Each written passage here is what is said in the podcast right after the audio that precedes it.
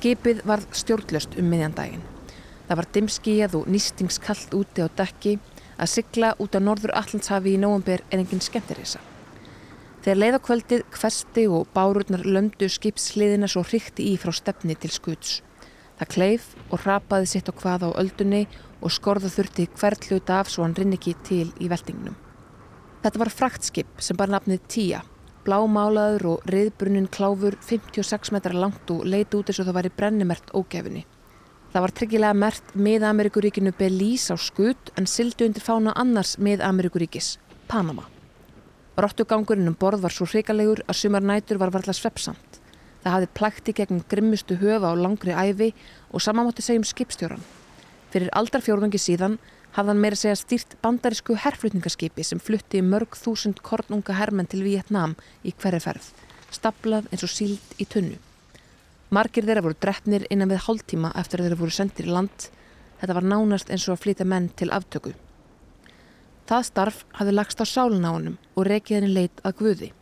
Hann var fættur á vestfjörðum, nýjórðin 65 ára gammal, grákvít hárið byrjað að þinnast og augun bakvið ferköntuðu glerugun að missa klampan. Hann hétt Sigurður Argrímsson. Siklingin hafði verið enkennileg, skuggalinn náðast á köplum og laungbyði í söðrætni höfn hafði tekið á taugarnar. Fámenn áhöfnin var skrítinn samtýningur úr ýmsum áttum. Aldursforsetin og skipstjórin Íslendingur hinnir Íri, Breti og Nýgeríumadur. Náungar sem hann hafi kvorki þekkt hausni sporð af fyrir nokkrum mánuðum. Eftir tíðindalittla og frekar bærilega heimsiklingu dagan á undan 7000 km hægfara siklingu allarleið frá Súrinam með viðkomi á Azor-eigum hafðu þrjú stýrikerfi bilað um borð á aðeins einum og hálfum sólaring. Fyrst gaf sjálfstýringin sig þannig að hann var að standa sjálfur við hjólið með krefta nefa og hvita hnúa og pýra augun út á haf gegnum regnbarða rúðuna. Síðan fór ramagstýrið og loks brást glussastýrið og þá var fókið í flest skjól. Er þá ekki öll? Það var farið að glitta í land þegar skipið varð stjórnlust. Hann náði að komast spölkorn í viðbót á neyðarstýrinu og ákvað svo að leggjast við akkeri þegar mótaði fyrir strandlengunni. Þeir voru stattir rétt fyrir utan síðsta otta Írlands. Dallurinn byltist einmanna og draugalegur út á rúmsjó en akkeriði náði honum upp í veðrið og var því allavega ekki hjálpar hann að rekald. Og rámur og hávar mótorinn hamaðist enn niður í velarúmi og framleiti nægt rafmagn fyrir ljós og tæki. Hann taldi ótímabart að senda út neyðarkall en þeir þurftu samt aðstof og það fljótt. Skipstjórin kvekti á talstöðunni þegar akkerið hafði runnið í sjóin og bað fjarskiptastöðuna að ná í símanúmerið sem hann átti í fórum sínum. Jósi, Jósi, heyrður í mér? Kallaðan. Eftir mikið brak, bergmál og suð heyrðan rött bróðusins, Jósafats Argrímssonar og byrjaði að lýsa stöðunni og að hann þetta nöðsynlega aðstöðu að halda. Samtalið hafði aðeins staðið í örfáur mínútur þegar það ropnaði skindilega og uggvænglegt urgið og sargið heyrðist eitt í talstöðunni. Fjarskiptastöðun sagði að því miður næðist ekki samband þegar hann reyndi aftur. Mr. Joe Grimson svaraði ekki. Klukka var að verða nýju um kvöldið og hann sestur að síðbúinni máltíð upp í brú þegar hann var skemmtilega var við kvinn í þyrlusböðum sem skáru loftið yfir skipinu og það var baðað sterkum flóðljósum. Knýrin í þyrlunni fyllti erun. Hann stegi út fyrir og leitu. Alvopnaðir sérsveitarmenn sigur niður úr þyrlunni á örskot stundu og tóku skipið á sitt vald. Um 15 manns í skotthaldum vestum vopnaðir vélbissum. Þeir eru handteknir, hrópuður og áður en skipstjórn vissi af lág hann á hnjánum á dekkinu bundin með hendur fyrir eftir bak. Þeir sögðunum að hann var í grunaður um eitthulifarsmikl. Yfirmæður sérsveitarinnar sagði við einn undirmann sinn sem bindi vjálbissu að skipstjórunum að ef hann hreyði sig eitthvað ætti að skjóta. Við höldum nú áfram að reykja ævintýralegan og ótrúlegan fyrir Jósafats Argrímssonar sem kallaði sig Joe Grímsson eftir hann flutt úr landi. Hann var oft nefndur alþjóðlegur sveikarhappur í fjölmjölum en lögmaður hans í sakamáli og sjönda áratögnum saði Jósafat hins vegar hvorki meirinni minna en íslenskan dreifus og líkt honum þannig við eitt þekktasta fórnalamb réttaklæps í mann kynns sögunni. Ofsóttur píslavottur eða óprútin svindlari hverji ósköpunum var Joe Grímsson. Við skildum við Jósafat í síðasta þætti þegar var potturinn og pannan í máli sem fólst í að svíkja miljardar króna út úr norskum banka í tengslum við risavaksna skreiðarsölu. Sölu sem þó var meira eða minna tilbúningur Jósafats og írskra félagans í svindlinu. Eftir að höfðað var dómsmál neytust til að borga vænan skerfa af umbóðsleinum sín tilbaka en sluppu í staðin við ákerur. En þeir höfnuðist þó hreint ágætlega, þver auðvut við bankana sem urðu fyrir barðuna á þeim í Noregi og Írlandi. Auk þessum svindlið setti gamalgráðið skreiðarfyrirtæki á hausinn og lagði aturunlífið í litlu sjáarþorpi í Noregi í rúst. Jósafat satt ekki auðum höndum þrátt fyrir að hafa hagnast vel á skreiðarmálinu. Í desember 1986 var hann handekinn af bresku lauruglunni í London og síðar ákerður fyrir að hafa sveikið tæplega 140.000 punta núverði eða um 24 miljónur króna út úr breskum banka. Hann var dæmdur í nýjum mánuða fangilsi fyrir það brot fyrir luta árs 1987. Jósafat hafði ásand félaga sínum tekið að sér fyrir ímsa aðala þar sem kalla má tjekka hreinsun Ferlið hefst þegar ávísun gefin út í einu banka er lögð inn í annan banka sem hefur þá samband við þann fyrri til að kanna innistæðunar. Ávísunum er afgreitt og fjöð greitt út þegar búið er að kanna réttmæti ávísunarinnar og að fyrir henni sé innistæða. Jósafat var nýbúin að leggja ávísun upp á tæp 140.000 pund að núverði inn á reikning hjá sér þegar hann var kallaður aftur í bankan og handtekinn við komin að þangað. Í ljós kom að ávísunin var stólinn og innistæðulegs. Lagfræðingur sem skrifaði hann á að fara til Ástralíu fyrir fullt og allt. Um þetta vissi ég ekki fyrir hann eftir að ég var handtíkinn. Ég vissi ekki að ávísunum var ítla fengin og, og laðin á reikning hjá mér. Hefði ég verið að gera eitthvað glæpsamlegt að eigin dómið þá var ég fáralegt að leggja hann á minni eigin reikning. Báði þjófur myndi skiljast en nafnspjálsitt á inbróðstað. Jósafat var svo ofur bjart síðan á að sleppa við dóm og hann sæði ekki eins og konu sinni á Írlandi frá því þegar hann var ákerður og dregin fyrir rétt. Breski saksónarinn kvekk sendt sakavottar Jósafats frá Íslandi og því var kviðdómi ljóst að hann eftir langan sakaferðað baki. Staðrind sem Jósafat var að var ósáttur við að vitnaðist. Hann hvaðst líka halda að hann hefði náða að stuða dómarinn í málunu og kviðdóminn með hæðun sinni. Saksóknari hafði tvívegis spurt hann hvort hann talaði ennsku sem Jósafat sæðist gera en þegar spurt var í þriðaskipti reytist hann. Ég sagði þá við dómarinn, getur við fengið á reynt hérna hver talar ennsku og hver ekki? Ég sá það á kviðdómarunum að hann móðgæðist. Þetta var ókurtið sem ekki rétt hjá mér að segja þetta. Ég átti mig á því eftir á. Skap er skap en að öðru leiti komast menna þeirri niðurstu að ég væri segur. Ávísunin hefði verið stólin og ég hefði vitað að því. Það þýtti ekki að deila við dómaran og ekki kviðdómin. Jósafat afplánaði hálft ár af nýju mánuða dóminum í opnu bresku fangelsi. Hann lagði þar með allan stund á bókmyndagagrinni og samti ljóð á ennsku til konu sinnar og barna. Þetta er kannski ekki merkilegur kveðskapur en heinir fangarnir voru hrifnir að því. Það segir allt um tilfinningar mínar. Kennari minn í fangilsunu vildi að ég sendi ljóðið í samkeppni en af því var nú ekki.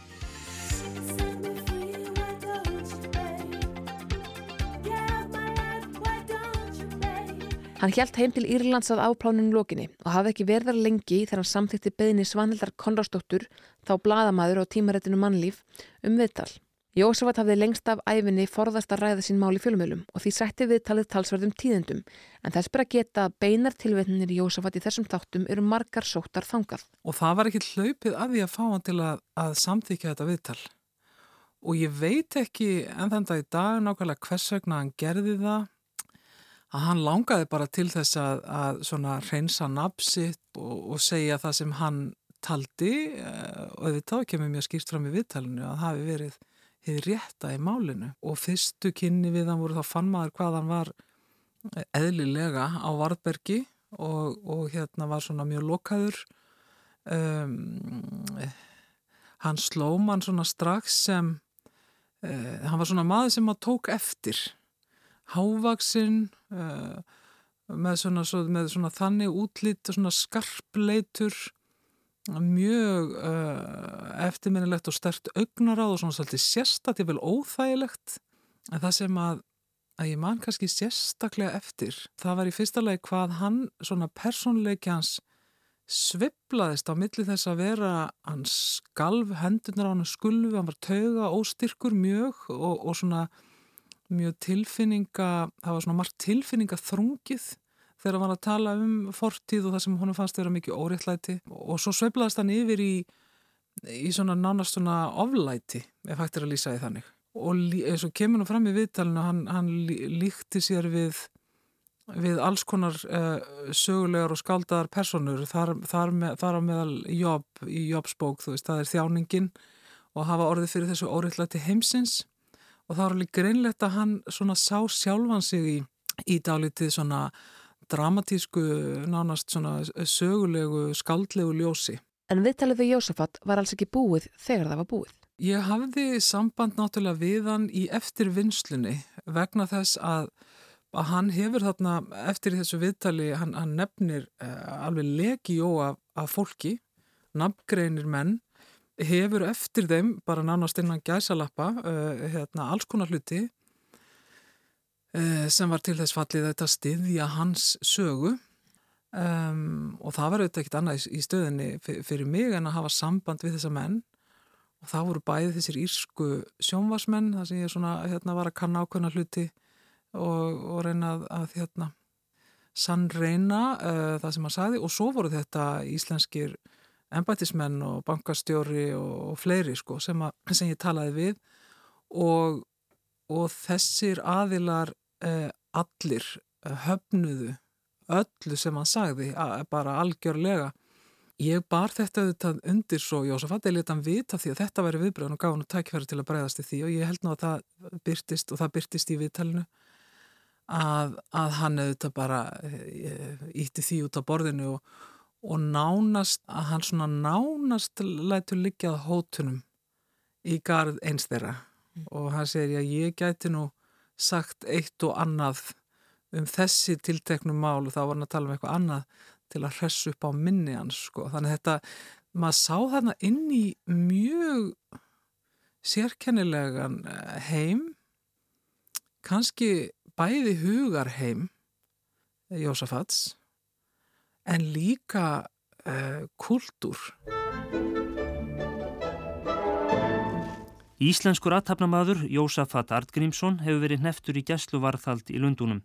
Um miðan september 1989 var Jósafat handtekinn í London neftur í gæsluvarhald og ákerður fyrir að hafa á samt fjórum öðrum mönnum reyndar sviki alls 48 miljónir dollara á núverði, tæplega 7 miljardar króna út úr Westminster Bank. Eitt þeirra var íski svikarappurinn afkastamikli Peter Bolger, sá hinn sami og hafði leikið bílstjórun einnkenniskletta í skreiðarsvindlinu nokkrum árum áður. Málið sem var afar flókið snýrst um tvo viksla upp á samtals 48 miljónur dollara á núverði sem við skulum til hægðarauka kalla annars vegar danska viksilinn og hins vegar kínverska viksilinn. Flettan í kringum danska viksilinn var ansi kunnuleg. Hann hafði verið gefin út af forstjóra útflutningsfyrirtækisins Danish Foodstuff Trading í tengslu við kaup á skreið og þorskosum í Noregi sem flyti áttu til Nýgerju. Forstjóri danska fyrirtækisins hitti Jósafat og Peter Bolger í London fyrir hluta árs 1989 til að ræða fjármögnun viðskiptana og var þá viðstættun maður sem Jósafat og Bolger kynntu sem forstjóra bresks fyrirtækis sem myndi sjá um fjármögnun kaupana. Í Níkerju væri síðan fyrirtæki sem ætlaði að kaupa skreiðina. Í ljós kom raunar síðar meir að sami aðal var skráður eigandi breska fyrirtækisins og þess níkeríska.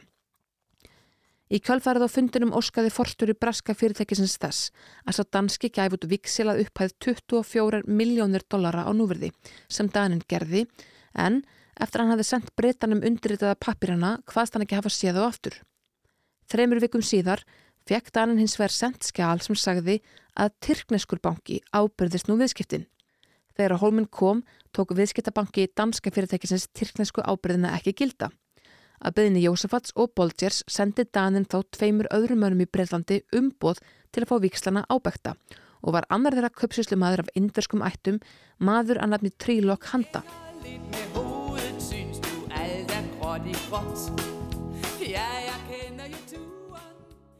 Víkur þá sögunni að kínverska vikslinum. Hann tengdist viðskiptum sem Jósafat og Bolger hefði átt við kínverskar mann sem starfaði fyrir útibú fyrirtækis frá Hong Kong í London. Kynverinn hefði huga á að stunda stórfælt fastegnaviðskipti en gengið trælega að fá lán til þeirra í Englandi. Þeir félagar sögðus geta útveðunum tryggingu fyrir láni í Tyrknarskum banka ef hann gefur viksil upp á viðigandi fjárhæð. Eftir að Tyrknarski bankin væri búin að ábyrgjast viksilinn átti Jósafat að selja hann í Luxemburg. Bolger og Jósafat letu þann kynverska síðan útbúa viksil upp á 24 miljónur dollara núverði sem forstjóri fyrirtækisins í Hong Kong skrifaði undir.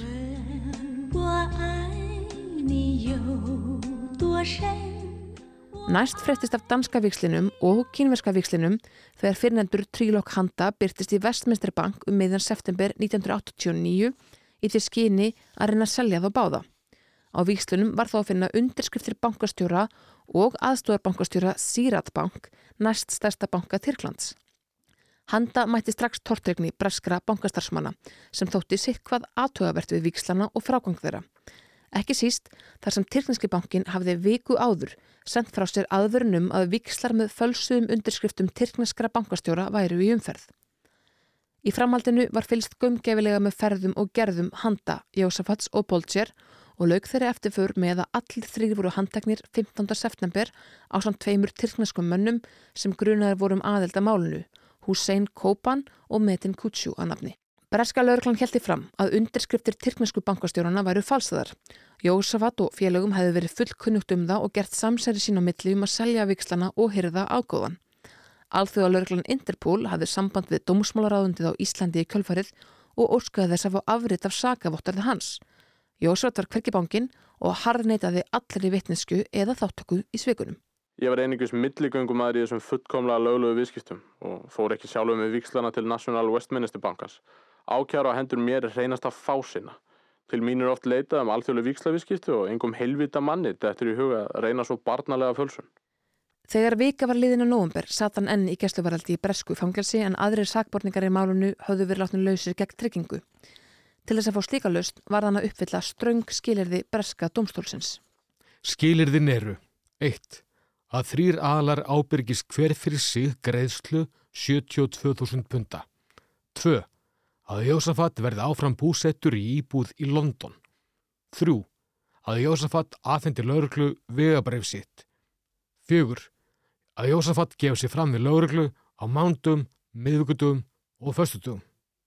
Það gekk nokkuð brösulega hjá Jósafat að afla sér ábyrðamannana þryggja. Hann kallaði til tvær konur og einn karlmann til að leggja fram umbeðnar tryggingar, samtals 36 miljónur króna á núverði, en aðeins eitt þeirra stóðust kröfur réttarins. Madurinn var sölustjóri í stórverslinu í London, hafði aðeins þekkt Jósafat í 2-3 ár og sagði að þeir væru ekki nánir vinnir. Önnur var kona á 60-saldri, dönskað uppruna, sem hvaðst hafa þekkt Jósafat í 15 ár og hitt hann oft. Svo þriðja var ung kona, skráður eigandi íbúar þeirra sem Jósafat valdi í þegar hann var í London en hún hafði þekkt hann um eins árs skeið. Madurinn og unga konan gátt ekki sínt fram á næjanlegar egnir og rétturinn hafnaði þeim því sem ábyrðamönnum. Viku síðar var Jósafat þólatin laus úr gersluvaraldinu eftir að verjandans náði samkómulagi við lauruglu og saksóknara um að taka til greina ábyrðið þeirra tvekja sem domstöldin hafði áður hafnað. Af umfjöldun fjölmjölaðum málið má draga þá álúttun að formgallar, nökrar og tafir hafi verið að mála tilbúnaði ákjörðuvaldsins sem stöfuðu engum af því að málið tegðis yfir nokkur lönd og var ramflókið. Saksóknar í Breitlandi gekk því hægt að afla viðgandi sönnunagagna og á meðan raknaði málið upp hægt og bítandi sem vitaskuld kom sakbortningum afskaplega vel. Réttarhaldin hófust í London rétt fyrir miðjan júni 1990 Opnunarræða saksóknara stóði verið í þrjá klukkutíma og listan mjög floknum og vel útfærðum sveikum sem tegðu sig til að minnstakosti fjögur að landa. Alfred Sturla Böðvarsson var frettareitur að difa fyrir London á þessum tíma og var viðstættur réttarhaldin. Já, ég, ég hugsa hann hafi svona vilja frekar tala um mig heldur en, heldur en aðra blaðmenn. Ég held kannski mest út af því að hann sá að hann gætt fengið mig á sitt banda því ég var ekki svona reyndur blaðamæður sko. Ég fannst að vera bara mjög svona rólegur og yfirvæður dætt hvort að hann var dröyp sko, hann var alveg bara mjög pollrólegur öllu saman. Ég held að, að, að það vekkt treyni á hann sko, það sem var að vera að segja í, í salnum, hann bara satt undir þessu og vissi kannski hvern, hvernig það myndi enda sko. Vittnalegistur leiti hins vegar fátt annaði ljós en að einhver óþektur starfsmæður Tyrkneska bankans hefði staðið að fölsun undirskriftana og Ellemálsar samkvæmt átti breski saksóknarinn erfitt með að tengja Jósefat og félaga við þann huldumann. Viku síðar var mál Jósafats, Boltis og Handa sendt til yfirrettar til að hviðdómur gæti úrskurðaðum sektera eða saklesi, en máli Tyrkjans Kutsjúk vísða frá. Þar með var máli tilbúnaður saksóknara embatisins í Breitlandi komin í blendgötu, þar sem Kutsjúk áttu að hafa verið tengiliðurinn á milli Tyrkneska bankans og þeirra Jósafats, Boltis og Handa. Lukkan var í liði með Jósafat og félagum sem oft áður og þess var ekki langt að býða að málinu líki á besta hugsanlega hátt fyrir þá. Fáinum vikum síðar ákvað breska saksóknarlega embatið að hætta við að sækja þreimenningarna til saka fyrir aðelda fölsun vikslana og tilrönd til fjársvöka. Þeir voru lausir allra mála. En öðru máli gengdi um alfreð. Síðasta frettin sem ég var með hann mann, hún fegst ekki staðfest í öðrum fjölmjölum og DFF hérna bara eila rak mig eftir síðustu frettina. Lítið fór fyrir Jósafat næstu árin og hefur verið fullilt að þar sem hann var íslenskur ríkisborgari hafi írsk yfirvöld gert honum ljóstað hvers konar aðeld að sagnæmu aðtafi geti leitt til brottvísunum hans frá Írlandi. Hann hafði því ríka ástæði til að stíka varlega til jærðar. Snemma árs 1994 byrtust af þessu frettir þar sem hann var bendlaður við kaupa gömlu vitaskeipi frá Íslandi sem silt var til Írlands. Í þeim viðskiptum var talin vera maðkur í misunni og komuðu til kasta rannsóknarlauruglu ríkisins og Interpol. Ekkert sannaðist þó um þáttöku Jósafats í því máli. Það var segjan ekki fyrir haustið 1996 sem hann komst aftur í frettir ytra og hér heima. Í þetta skipti grunaður um að standa baki áformum um að smikla hvorki meirinni minna en þremur tonnum af kókaini frá Suður Ameriku til Írlands.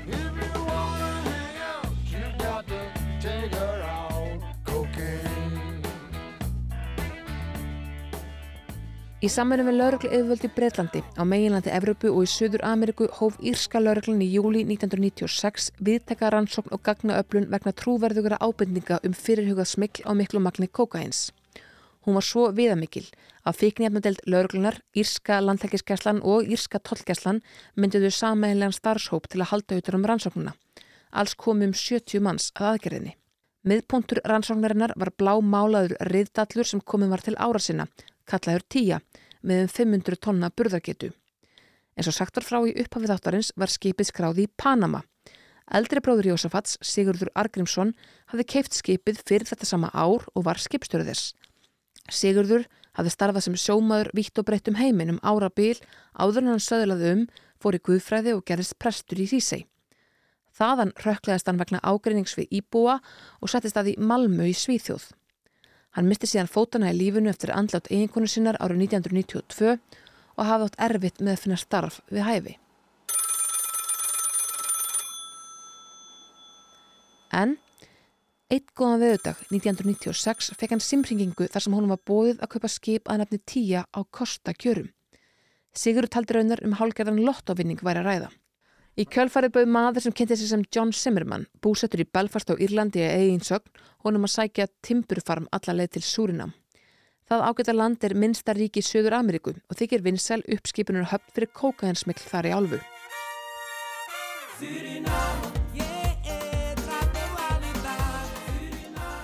Timbrið áttur svo að flytja til Írlands og miðhöndla hjá þurrkunaverksmiðu að nafni Timber Dryers. Tíja lagði upp frá Englandi 13. ágúst og kom þrejmi vikum síðar í höfn í Súrunam. Þegar þanga kom, beigði þeirra ekkert tempur og hafnariðvöldum hafði ekki verið gert viðvart um að skipsins væða að venda, sem er að var óvinnlegt í siglingum. Við verðum að býða og býða og fengum aragrúa skýringa á því af hverju við fengum ekki timpur, malari og kentum, brottum, sagablöðum, flóðum, ónýtum vegum og ýmsu öðru. Simmermann kannast ekki við neitt og þá fór ég að fá grunnsemdir um að ekki væri allt með feldu. Mér fór að gruna skipið hefði verið ætlaði annað en að taka timbur og þær vangaveltur sett ég á bladfri í ósafatt bróðuminn. Ég var orðin peningalös og hann kom þrýveðist til að hjálpa mér með fjöð eftir að Simmermann brást. Eftir sex vikna byggð var Sigurður um það að gefast upp. En þá mætti óvænt tengilegur á vegum Simmermanns í skipið og sagði að lesta eftir það með heilum staurum. Sigurður hverst ekki hafa talið tíu að henda til þeirra flutninga. Það er á ósöguðum trábólum vegna þess hvernig jafnvægi skipsins var hátað. Til að staðfesta þá skoðun sína hefða notið opnað tvo kjölfestutanka en þeim svo verið lokað aftur með rafsöðu. Eftir samráð við Jósafat ákvaðan að halda til Írlands og silda þanga með viðkomi á Asur-eigum. Írska lauruglan sem fyldist með ferðum skipsins taldi hins vera margt gefið til kynna að endanlegur átmangastöður tíja væri Danmörk. Þar ætti að landa eitulifum sem væri falin um borð og flytja áfram vítt og breytt til kaupenda um alla Evrópu. Fyrstu dagar siglingarinnar til Írlands gengur vel, síðan byluðu þrjú stýrikerfum borð á 36 tímum. Ég get ekki útilokað að einhverjum borð hafi unni skemdaverk á þessum búnaði. Þann 1. november fengu skip Írsku landhelgiskesslunar skýr fyrirmæli um að hafa augun opinn fyrir ferðum tíja og tilkynna tafarlaust ef til hennar sæist. Um leið og tíja var það vart á hafi úti skamt utan við hafnarbæjan Castletown Bear þann 7. november fluttið þyrla hóp vopnaðra sérsveitamanna lauruglunar þangað.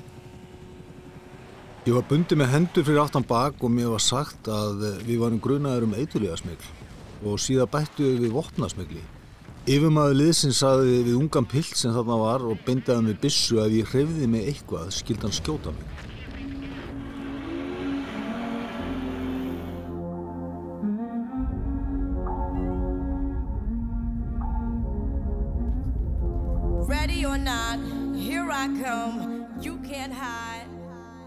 Þess má geta að Írska lauruglan neitaði því að hafa ógnað áhöfninni með þessum hætti. Sigurður og skipverðinir þrýri í áhöfninni, Íri, Breiti og Nígeríumadur voru tafarlust handteknir. Þar sem skipið var stjórnlust þurfti dráttarbá til að koma því klakklust í höfn. Sama dag var Jósafat handtekinn í húsi í Finglas, hverfi skamt utan við Döblin sem og írskur maður á hóteli í Döblin, sagður útgerðarmaður skipsins. Írskulaurugluna grunaði að Jósafat og Írina á hótelinu stæðu að bakvið ferð tíja til Súrinam. Þeir hefðu fjármagnaðana og lagt á ráðin um smiklið. Írska lauruglan rannsakaði líka hvort að tengsl væri um milli tíamálsins og eins stórtækasta og hættulegasta eitulvi barans á Írlandi, George Mitchell, stundum kallaður Mörgjasin. Þess maður geta að áður nefndur samverkamæður Jósafats, Peter Bolger, hafði unnið fyrir Mörgjasin á árum áður og var enn í ágætum tengslum við hann. Engin timburfarmur reyndist um borði tíja og fyrsta leitað fíknefnum skilaði engu.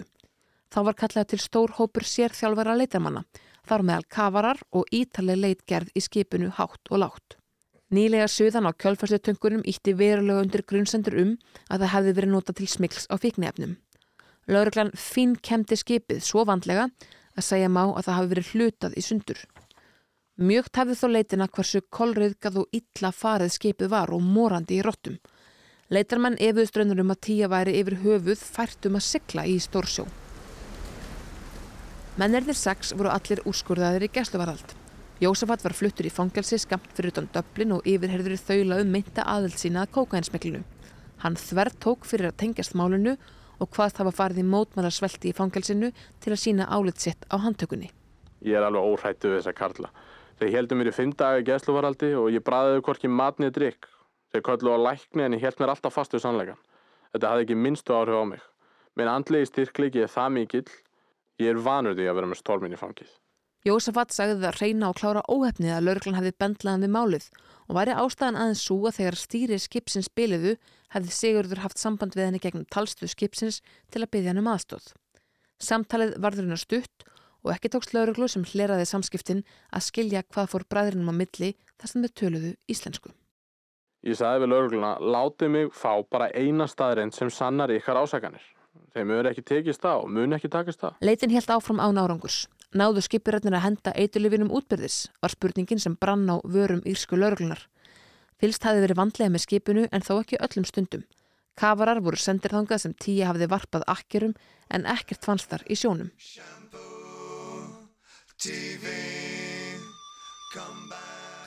Jósefat var haldið í fimm sólurhinga. Hámarkstíma þess sem írsk lög leifðu án þess að formlega ákjara verið lögð fram en síðan sleft úr haldi þar sem ekki fundust næjanleg sönnunagögg fyrir aðeldans að myndu smikli. Skipverðarnir þrýr voru látnir lausir nokkur síðar. Sigurður sem neytaði allir vittneskju mynd kókainsmikl dúsaði áfram bak við lás og slá og setti ströngum yfir heslum. Hann var látin laus 11. november en hann tekinn samdægur saftur, leitur fyrir dómara og ákjörður fyrir samsæri um innflutninga kókaini til Írlands. Ákjört var samkvæmt nýleiri lögjöf og naut Sigurður þess vafasama heiðurs að vera fyrsti maðurinn í sögu Írlands sem ákærður var fyrir samsæri um að flytja sterk fíknefni til landsins. Í ákærunni var Sigurði gefið að sög að hafa á tímbilinu 1. júli til 15. november 1996 bæði á Írlandi og utan Írlands tekið þátt í ráðabruggi og náð samkommulagið þar að lútandi við fyrirnendan John Zimmerman og fleiri ónafngrenda aðila um að smikla miklu magni kókains til Írlands. Lörglann þekkti hins verið ekki nánari deili á Zimmerman nýja hvar hann væri búsettur í heiminum. Dómari að kröfu lögumann Sigurðar um að hann er til látun laus gegn tryggingu af ótta við að hann heldi úr landi. Sama dag við sama domstól var írskum manni að nafni John O'Shea byrt ákjara í málunu en hann hafði verið í áhöpskipsins á siglingunni til og frá Suður Ameriku. Í ákjörunni var hann gefið að sög að hafa tekið þátt í samsæri á samt Sigurði og fleirum ónafngreindum aðilum um innflutning á kokaini. Jósafat bauð fram persónlega ábyrð sína fyrir tryggingu á löst bróðu síns en írskur dómari hafnaði að taka hann að gilda með þeim raukum að Jósafat hefði verið dæmdur fyrir fjársvik á Íslandi og í Breitlandi.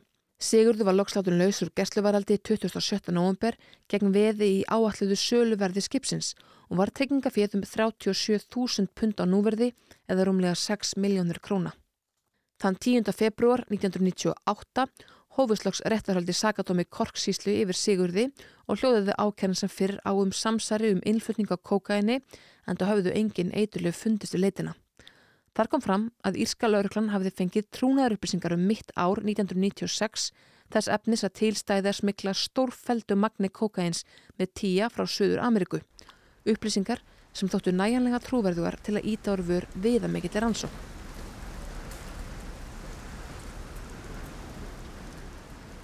Írski saksóknarinn saði einnig sterkar vísbendingar um að fíknihefnum hefði verið hlaðið um borðið skipið á meðan það lág í höfn í Súrinam og að opin á kjölfestutöngum skipsins hefðu verið gerð til að hægt var að fjela kókainið í þeim.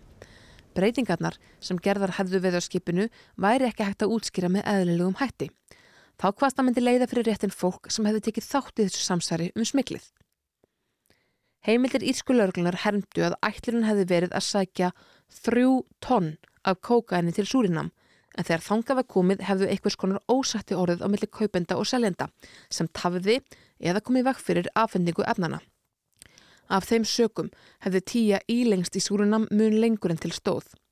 Þrjú tonna kókaini eru gríðalegt magn og til að gefa hlustundum nokkra hugmyndum hversu mikið hlutfalslega má nefna að á tíu ára tímabili frá 1995 til 2005 lagði Írska lauriklan samtalshald á 1,6 tonn af kókaini.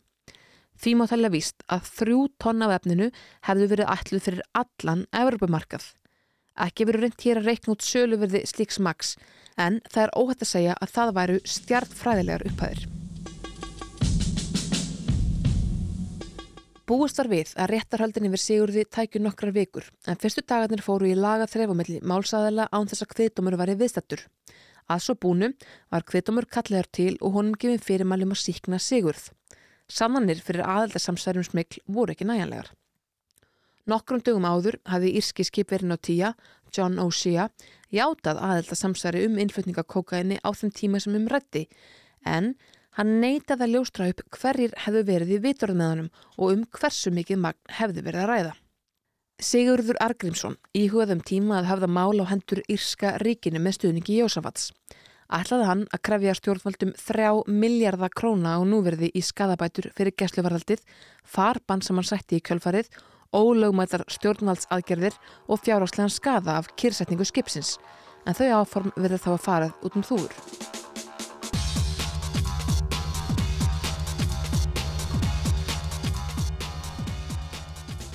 Það má lengi velta vöngum yfir tíumálunum sögðu bræðurinn sannleikan og stóð aldrei til að smikla eitilöfum með skipinu, átti að smikla eitilöfum í skipinu með vitund og vilja annars bróðursins, begja eða kvorugs en þau aldrei verið sett um borð, eða var eitilöfum smiklað með skipinu en þeim hent í sjóun eða afhent öðrum áður en sérsveit írsku lauruglunar komst um borð. Sannleikurinn um riðkláfin tíja verður eflust aldrei upplýstur og þarf hver og einn að draga sínar eigin áldanir af því sem hér kemur fram. Þess má geta að aðeins fáanum mánuðum eftir að tíja málið komu upp í april 1997 var gamli félagi Jósafats úr stóra skreiðarsvindlinum, sjálfur Jim Danger Byrne, handekinn fyrir að skipilegja smikl á miklu magni kokains. Eiturlefin fundust falin inn í timburfarmi flutningaskips sem sildi frá Suður Ameríku til Englands. Jim Danger fekk átjón ára fangilsustóm fyrir kókainsmiklið og þurfti að afplána tíu ár af þeim tíma í Pankhurst öryggisfangilsinu á eini vætt. Jósafat Argrímsson naut hins vegar lífsins á Írlandi þau ár og bar lítið á honum. Kanski var hann sestur í Helganstein, kannski ekki. Helsti samverkamæður hans til margra ára, Tom Ford, hafi líka farið úr fyrirtækið þeirra og fikrað sig út á enn háskalari brautir en fyrr. Saksóknar í Sviss sakaði Ford til dæmis um að hafa á árunum 1997 og 1998 tekið þátt í flutningum á 21 tösku tróðu fullum af peningum, samtals rúmlega 8 miljónur punta á núverði eða um 1,3 miljardar króna frá Ítalju, Bandarækjunum og Breitlandi til Sviss. Saksóknara embattið taldi víst að peningarnir hefðu tilhert kolumbiskum kókainsala og verið hluti af peningalvætti á eiturlifjagróða.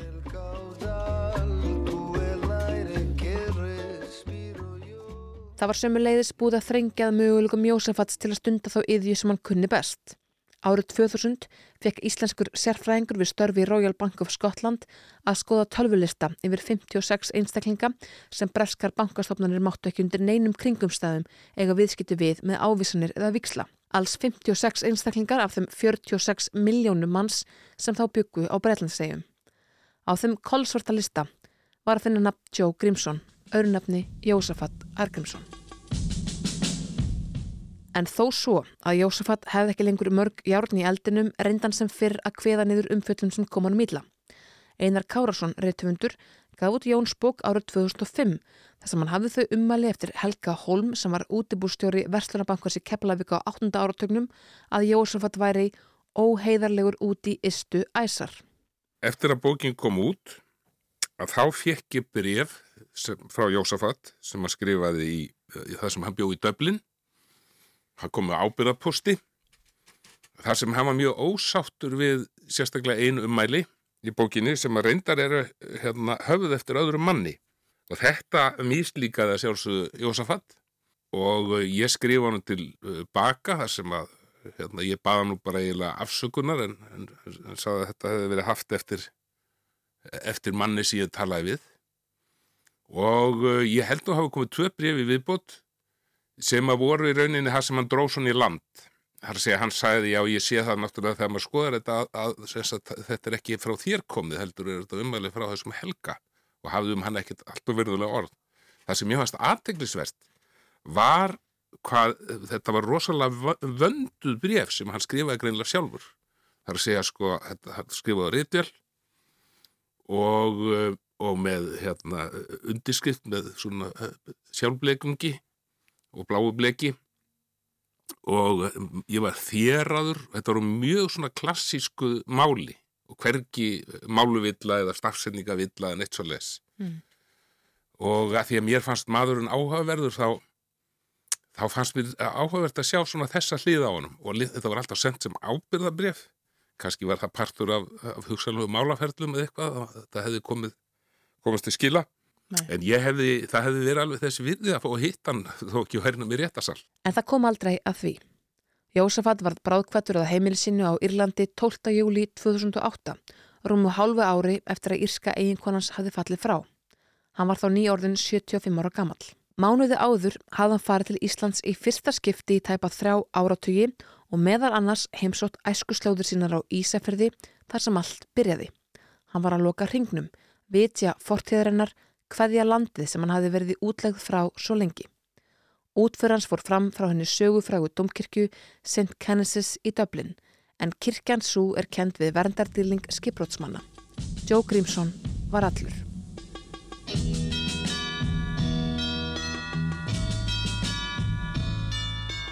Við skulum láta aðtafnamannin Jósefat Argrímsson eiga loka orðin í þessum þáttum um ævintýrlegt og ótrúlegt lífsleipans. Ég er Íslendingur. Ég er vestfyrningur. Ég er Ísfyrningur. Þetta er mín arfleið.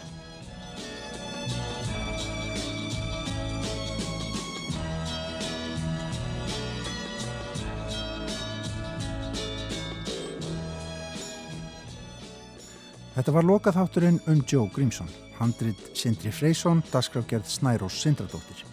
Aðstóð við samsetningu og frágang Guðni Tómasson. Lestur Ottur Þórðarsson, Úlfur Grönvold og Sindri Freysson.